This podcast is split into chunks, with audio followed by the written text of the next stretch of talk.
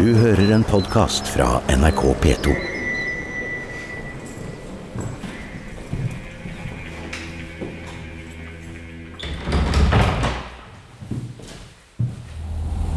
Nå nærmer vi oss den Ja, det er vel en av de feteste tankene her, vel? I, eh, I bredde så er han det. Det er eh, morgen og mørkt på kaia til Neptun sildeoljefabrikk. Rett utenfor siger ferga Tysfjord inn mellom fyrlyktene i innseilinga til Melbu. Nøkkel, nøkkelknippe, så, så har jeg 20-30 nøkler. Og da, Og da sliter jeg litt med å litt, litt sånn etter. Ja. Her var det mørkt. Ha. Fred Martinussen har tatt meg med inn i Royal Neptune Hall. En av de svære sildelagringstankene på Neptun sildeoljefabrikk. Med en etterklang så lang at den nok slår knockout på all verdens katedraler. Her på den lille Svinøya i Melbu i Vesterålen. Fabrikken ble etablert av gründer Christian Fredriksen i 1910. Den ble lagt ned i 1986 og har vært museum siden 1991. Norsk Fiskeindustrimuseum holder til i det store, nå fredede anlegget. Et nasjonalt museum for landets fiskeindustri. Bortsett fra selve produksjonsmaskineriet er hele fabrikken intakt. Martinussen er enhetsleder her, og er stolt over at de har en konserttank. Her har vi jo da en liten konsertscene, og så har vi både stoler, og så er det laga en tribune som står i bakkant. Så her kan vi ha inne jeg tror på det meste 230 gjester. Så flott eh, tak der. Er det det originale taket òg, eller? Hele tanken både utvendig og innvendig er originalt. og De hadde jo en veldig spesiell måte å bygge denne tanken på. for at eh, De begynte på bakkenivå, egentlig men i øverste rengen, og la taket ferdig. Så ble det jekka opp, og så la de en ny reng i bunnen, og så videre og så videre og så videre. Og Så- inni denne tanken eh, så har det vært eh, I denne tanken så ble det lagra råstoff. Ja. Ja. Og eh, når de hadde fylt tanken med råstoff, så hadde de eh, Ligger det under den treplata her, så var det en skru Ja. som gikk rundt. Så drog ut eh, råstoffet, Ja. og så videre på transportbånd. Silda, rett og slett? Ja. Og når det ble lite med råstoffer inne, så åpna de en stor port i, ta i tanksida. Og så var de inne med en sånn liten bobcat. Og så eh, mokka de råstoffet bort til mateskruen. Men eh, når fiskefartøyene kom inn eh, med silda, hvordan, hvordan kom den inn i tanken? For denne her ligger jo eh, noen meter inn på land. Det ble eh, delvis eh, kjørt inn i tankene ved hjelp av transportbånd og via rørgate. Og så ble det fylt opp til en, til en viss mengde. Ja. Ja. Så inni her har det vært enorme mengder sild. Ja, og det merka du på eh, når vi eh, kommer på sommerhalvåret at eh, vi får litt temperatur, så, så sitter eimen ennå igjen. Ja. Så på en eh, skikkelig god, varm sommerdag så, så lukter det ennå penger her nede, ja. ja. Og nå når det er Det er jo en festival her i, i Melbu. Sommer i Melbu, er det det han heter? ja hvis du fjerner i-en, så blir dette eh, Sommermelbu. Sommeren Melbu, ja. Ja. Eh, Da er- det folk som eh, sitter her som eh, sild i tønne. Ja da, eh, vi har jo åpent museum, og da blir det jo kjørt en sommerkonsert her nede i tanken. Og da er det både store artister og små artister som slipper til her. Og i min tid så er det vel han Sivert Høyem som har fylt lokalene mest. Og så har vi lokale aktører, sånn som Damekoret Kammerpikerne, er en av mine personlige favoritter. da, Det må jeg få lov å si. Men eh, da, eh, da røyser eh, håret seg på armene, rett og slett.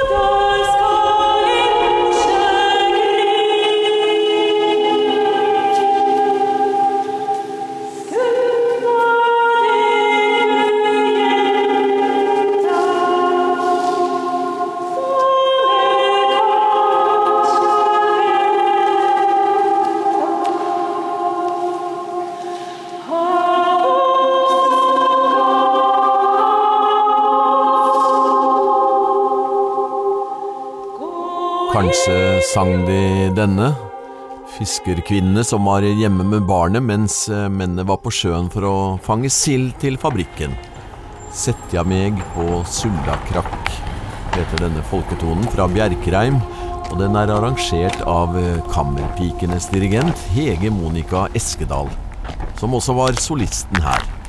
Kortreist kor, ettersom det holder til på Sortland, ikke så langt fra Melbu. Skal vi stå bak rundt hjørnet her, så ikke vi eh, får blå, blåse litt? Så, så lå det ett eller to gebis igjen her. Spidde du dem? Hva, hva, hva- hva er det som skjedde, sa du? Jeg fikk ikke med meg Nei, du, du skal du ikke få med deg heller. Men du, men du skal høre Fra vakker sang til eh, fet sild, nær sagt. Det var silda og senere lodde som var råvarene og drivstoffet til Neptun sildeoljefabrikk. Selve produksjonsutstyret som effektivt presset olje ut av fisken og malte mel av resten, er ikke her lenger. Det ble solgt til Marokko.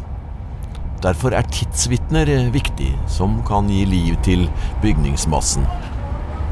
Elektriker Odd Johan Hansen hadde ti arbeidsår her ute på den værutsatte fabrikken. Hvor viktig var denne fabrikken i, i Melbu-samfunnet Ja. når du jobba her? Den var veldig viktig. Og du vet, det var jo en del av Melbu fiskeindustri. Det var jo de som eide, egentlig. Slik at, eh, kan si at jeg jobba både her og hjelpte til på andre sida også, Ja. fiskeindustrien. Ja. Og den var veldig viktig for Hassel. Og lukta, det likte folket. Ja. Ja, Det den, ja det, det, for når det ble, så for jo, sø- Sønnavind så for det jo over sentrum vet du, og lukta. Nå var det liv. Nå, nå var det penger å gjøre. Det var det hele tida. Så det var aldri noe klage på det. Nei. Nei, det hørte jeg aldri noe. Det var bare å få inn klærne hvis du hadde de hengende ute. Ja. og ferdig med det.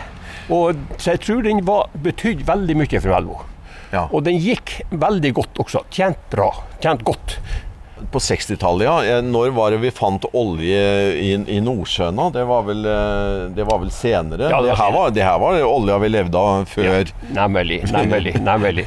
Og, og vi tok jo da vare på Vi hadde jo trana fra trålerne, det leverte jo her. Og den produserte vi jo også. Da, Det var altså tranproduksjon, ja. ja. da, ja da. ja da. Det hadde vi også i tillegg. Så det var de her og leverte trålerne når de kom hit. ja. Så, eh, og det er de færreste som vet at det var tangproduksjon her. Det, er flere som ikke har fått det med seg, det. Men det var det faktisk. eh, Jeg tror vi hadde en par-tre år. Akkurat. Hva, hva gjorde man med tanget da? Da, da tørka vi det, og så laga vi mel litt av det. Oh, ja. Ja. Og det melet, det var helt nydelig. Det var rett som det var spist mel. Det, Ja. var, det var godt. Ja, jeg kan huske en, en kan jo få kjøpt sånn tangmel fortsatt, tror jeg. Yep, eller, yep, yep, Ja, Ja. Og det skulle få håret til å gro på dem som begynte å miste det. Men Stemmer det, eh, det har jeg testa, og det virka ikke. Å, gjør ikke det? Å ja, det prøvde ikke jeg, for jeg hadde så mye hår i den tida. Men hvor mange var dere her, eh, tror du, når, når du jobba her da? Ja, hva vi kunne være? Det var litt vanskelig. 3, 8, 24 Altså mellom 50 og 100 stykker. Det var såpass, ja. Ja. Ja. ja. Og da var det, da var det eh, Skal vi se hva det var, Ti mann på skift, kanskje, noe sånt. Og så hadde du pluss de som tok imot, lever, eh, tok imot eh, silda skulle si, og leverte henne her. Så var det jo i transporten der. Det var jo mange mann der. Og så var jo vedlikeholdsarbeidere, så jeg var blant annet. Så eh, at det ikke var langt under 100 stykker, ja. Ja, På, på det, når vi var i full produksjon. så det var virkelig brukbart. Ja da. Men alt fikk Det fikk jo sin ende til slutt. Ja, dessverre. Og da var jeg slutta. Da, var da var jeg begynt på fiskeindustri. Da var på Melbu videregående. Så da var jeg der oppe. Og jeg var og så det da de reiv anlegget. Og det var helt fantastisk, det anlegget der. For det, det ble jo levert alt til utlandet. Og det var et trist syn for meg i alle fall, å se på. Og jeg minnes så godt eh, eh, Du vet, en motor når, når den går Du hadde de separatorene som gikk og, og, og liksom separerte heierne. Så var det det at du måtte kjøre og du vet, vi hadde så mange at måtte, de måtte gjøres rene i løpet av vekka. Så at de måtte stoppes for, eksempel, for å gjøre det. Og det var jo en krise for oss i produksjonen å stoppe en separator. For da fikk du, da fikk du ikke den produksjonen igjen. Og jeg hadde store motorer. Det var tyske motorer. Veldig store. Og motorene gikk jo varme, selvfølgelig. Og vet du hva jeg gjorde da? Jo, jeg la vann. En vannslange på dem og, og kjølte dem. For det eneste som dreper motor, det er varme. Hvor glad de var da de kunne kjøre vet du, maksimalt for å få ut. Og jeg glemte alt. og de motorene de var like gode når de ble sendt bort. De fungerte veldig godt, men de var veldig store. Og jeg antar noen tonn i diameter. Og en fem-seks hester. De var ikke mer. Eller ti hester. Jeg kan det? Huset var veldig lite. Og det er sånne opplevelser som er helt unikt. Vi skal eh, høre mer til Odd Johan Hansen. Nå skal vi bli med enhetsleder Fred Martinussen rundt på området i en litt sur vind og glatt underlag. Og nå er vi jo nede på det, den gamle trekaia. Så i 1910, når eh, anlegget åpna, så var eneste måten å komme seg ut hit, det var med båt. Ja, ja De rodde ut her på jobb, rett og slett? De rodde ut her på jobb, så uh, Mollo ble jo etablert lenge etterpå. Ja. Ja. Pass på, det er glatt. ja. Det var sludd og bløt snø i går, og så har det frøst litt på. Ja. Men nå kommer jo faktisk lyset, så det er ikke helt svart. Nei da. Og nå er vi jo nede, så du ser den eldste delen av anlegget. Så eh, den, eh, den veggen du ser her som Ja. er med, med, teg, med teggestein og fabrikkpipe, det er fra 1910.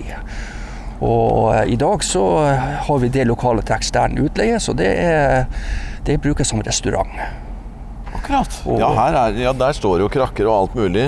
Ja da, og det er eh, parasoller for å Ja, de to, Det er sol her oppe òg. Ja, det er en, en par dager på sommerstid, så, så, så, så glemte jeg det til. Og, og han holdt seg jo, restauranten han holdt seg jo til lokale råvarer, økologisk. Og det er vel nesten så galt at maten ikke er kortreist, han er ureist. Han er ureist, ja. Ja. ja. Han er her. Ja. Så eh, for de som tar seg en tur innom denne restauranten, så, så, så anbefaler han det på det varmeste. Du, her er her er det fint innsyn i, eh, i eh, Sier dere bygd, eller dere, dere kaller det ikke by, eller? Vi, vi kaller det for bygd. Ja. Så, så nå ser vi over til eh, Melbu indre havn, og så har du Melbu fiskeindustri på, på venstre side her. ja. Så, eh, og, Og så er det fjellene eh, Snødekte fjell ja, da, eh, rundt overalt. Og Lofoten, det er altså i den retningen der. Eh, det blir jo motsatt side fra der vi står nå. Så eh, når vi ser over til Melbu, så er det jo, eh, så er det jo fjellene på, på selve Hasseløya vi ser. Ja. Og snur vi oss om, så ser vi over mot Lofoten. Ja.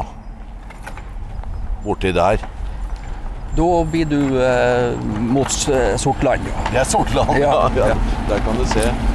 Det fiskemelet som, som ble produsert og, og, og i sekker, som du sa i starten, hva, hvor gikk det hen? Eh, Det gikk til Europa, Tyskland, Frankrike osv. nedover eh, kontinentet. Og der blir det brukt til, det vet jeg faktisk ikke. Hva man bruker fiskemel til. Det kan brukes som gjødsel, det kan eh, også brukes som dyrefôr. Så helt her lokalt så var det veldig mye brukt som dyrefôr. Ja. Og, men det, det eneste de måtte passe seg for da, at hvis de hadde det til dyrefôr f.eks. til en gris, så måtte de slutte med den fôringa minimum 14 dager før slakting. ja vel. Hvis ikke så var det smak av kjøttet. Nettopp. Ja. Sild. Sildegris. Sildegris. En, enkelt og greit. Ja, nei, det, det høres ikke bra ut. Nei, jeg tror ikke det er noe man, man, man, man skal ta så eh, Lenge før eh, Norge gikk inn i, i, i den store oljealderen. Eh, Sildeolje er helt noe annet, og det er en bærekraftig olje faktisk òg. Ja da, altså sildeolja kan brukes til lampeolje og ble brukt til teknisk olje.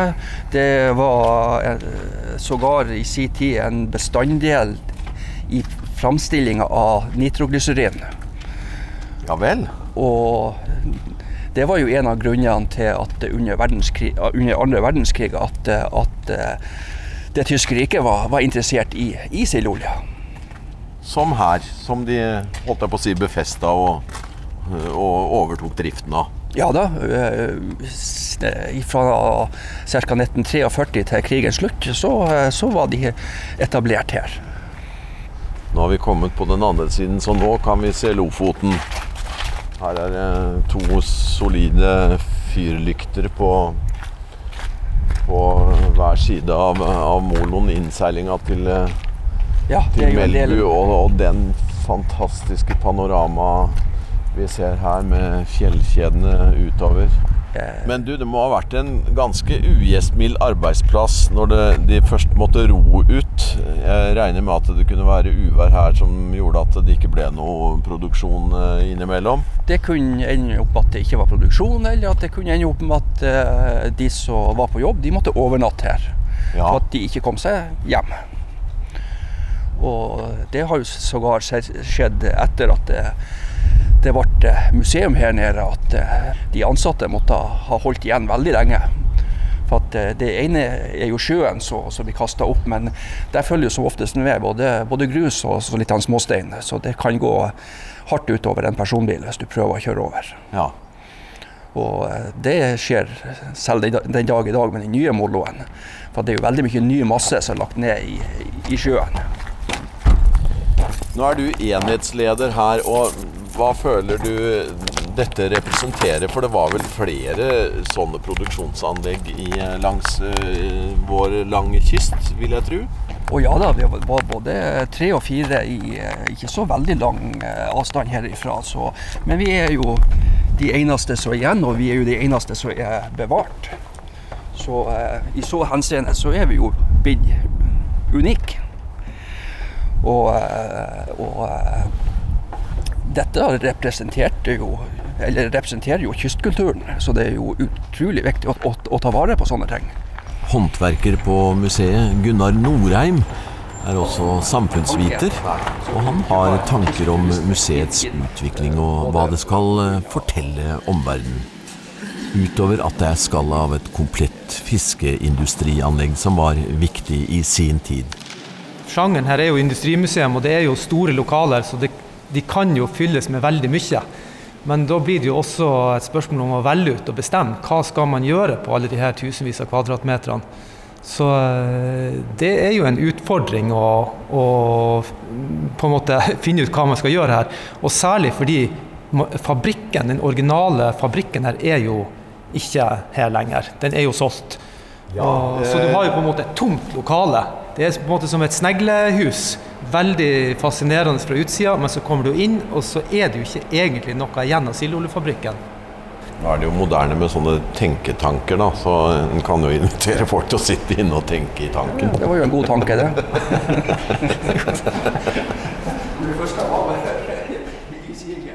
Skal få i deg litt av kaffe. Ja takk. Ja, litt kaffe hadde, hadde vært bra nå. Det er jo mange fine framtidsmuligheter her da, som Museum Nord kan eh, utvikle på, på dette stedet også. Ja, det, det er det jo. Men det som er, er litt eh, kan være aktuelt nå, det er jo å, å se mer på em, industrien. Man ser skyggesiden til industrien, og de er jo veldig tydelige etter hvert. Eller egentlig skyggesiden til det moderne samfunnet, kan man jo si. Og det her museet her, det er jo en fortelling om fremveksten av det moderne Norge, og, som er basert på industri. Eh, Og den historien er jo veldig tydelig og veldig åpenbar.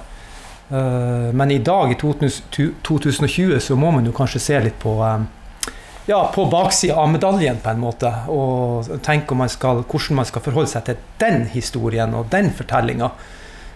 Men det vil jo bli ei fortelling som kanskje er mer eh, kritisk til et sted som det her.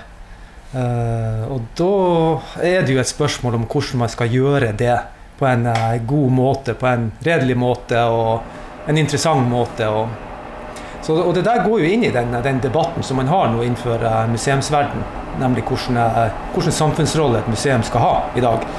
Hvordan forholder man seg til, eh, til samfunnet, og eh, hva, hva slags stemme skal man egentlig ha? Hvem sine fortellinger skal man formidle? Og, så, og det er jo selvfølgelig òg i, altså i lys av det at eh, tidligere så har jo kanskje museet vært majoriteten sin versjon av minoritetene sine liv, kan man si.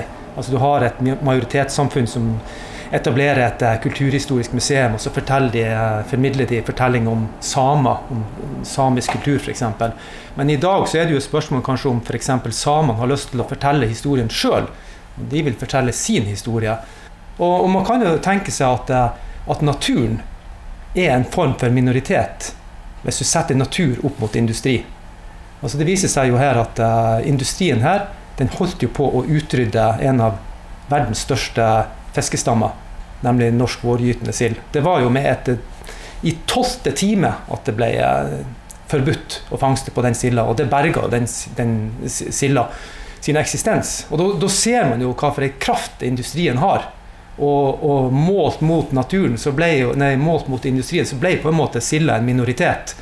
Og da har jeg tenkt litt på det der med at La oss nå si at man, man lot silda og loddet fortelle, fortelle historien om eh, sildeindustrien. Hvilken historie får vi da, f.eks.? Så det er jo sånne tanker man kan gjøre seg når man tenker på eh, hva et sånt industrimuseum som det her skal fortelle i framtida. Tidligere i programmet hørte vi tidsvitne elektriker Odd Johan Hansen om livet på Sildeoljefabrikken. Vi blir med han litt til. Og så, og så var det fyrtjern der. Og så fikk du røyken som gikk opp i pipa. Plutselig en gang så fikk vi eksplosjon i fyrtjernen. Og da slo de i luka, slo ut inni der så alle satt fullt av røyk. De så ikke ut, de var helt øynene. De fikk ikke opp øynene da de kom ut i det, det huset etter. Og det var rett der borte.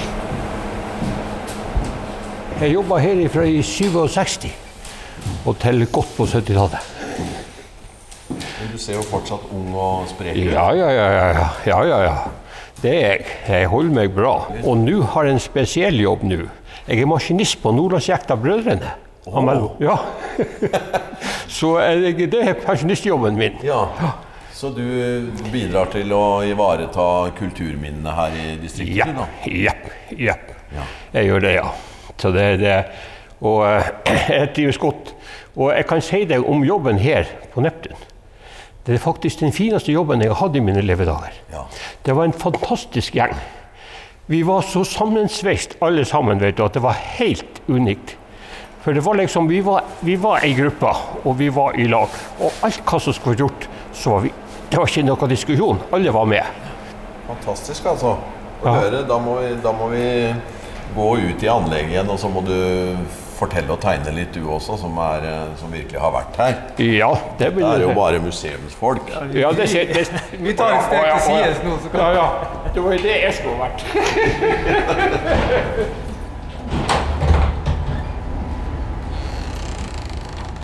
Det jeg også lurer på, var det, var det skiftordning her? ja, skift, tre skift. Ja. Tre skift. Og så var vi ferdig da. Ikke natta, da? Ja, ja, ja. ja. Hele, hele døgnet. Hele døgnet, ja. ja. Og så på fredagene var det da stopp. Og så brukte vi lørdagene til å rense så separatorene og forskjellige ting. Gjør, altså vedlikeholdsarbeid. Og så starta de opp søndagskvelden. For fullt. Så det gikk i ett. Og vet, da skulle anlegget være i orden. For ja. det gikk ikke an å tenke på det at nei, her har det noe som har svikta. Det toltes ikke. Det var, og hvis det var noe som svikta, hvis det var noen motorer som røyk, så var vi alle mann på det. Og få det fortest og få det i gang. Ja. Det, var det en farlig arbeidsplass? Nei, nei, det vil jeg ikke si. Nei, nei. Det farligste var kanskje reiseveien ut her? Hei, det kan du trygt si. Det, det kan du trygt si. Jeg for min del berga meg unna. Og spesielt hvis det ble på vinteren at det var is så kan du tenke på den veien her, så ikke noe skjerming. Så var det akkurat på kanten. Og så måtte du være på den kanten som vinden kom imot. For i tilfelle det kom i rossa, så måtte du over isen, og så var det litt av hvert på andre sida. Og du berga deg. Så jeg var aldri i fjæra. det virker som du har gode minner herfra? Å, veldig gode. Veldig gode. De sitter i hva, hva, hva, er det som skjedde, sa du? Jeg fikk ikke med meg Nei, du, du skal du ikke få med deg heller. Men du, men du skulle høre, de kom på land, og så skulle de levere. Det lå jo mange båter. Ja. Og du vet, mannskapet de for jo på byen og skulle ha seg en liten sånn ja. over en tørst. Ja. Og så kom de da om kvelden, vet du, så kom de nå tilbake. Men du vet, så var det jo kvalm. Og det var det her de brukte å spy. akkurat oh, det her, ja. Og når de spydde, så for tennene. Så vi brukte å ta vare på tennene. Så neste gang de kom, så fikk de tenner igjen.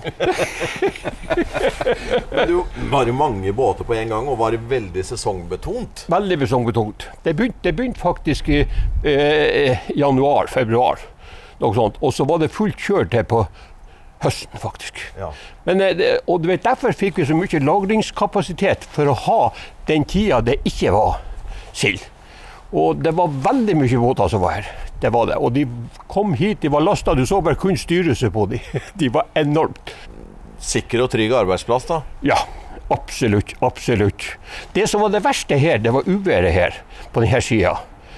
Han var så sterk mange ganger at han fylte fabrikken med vann.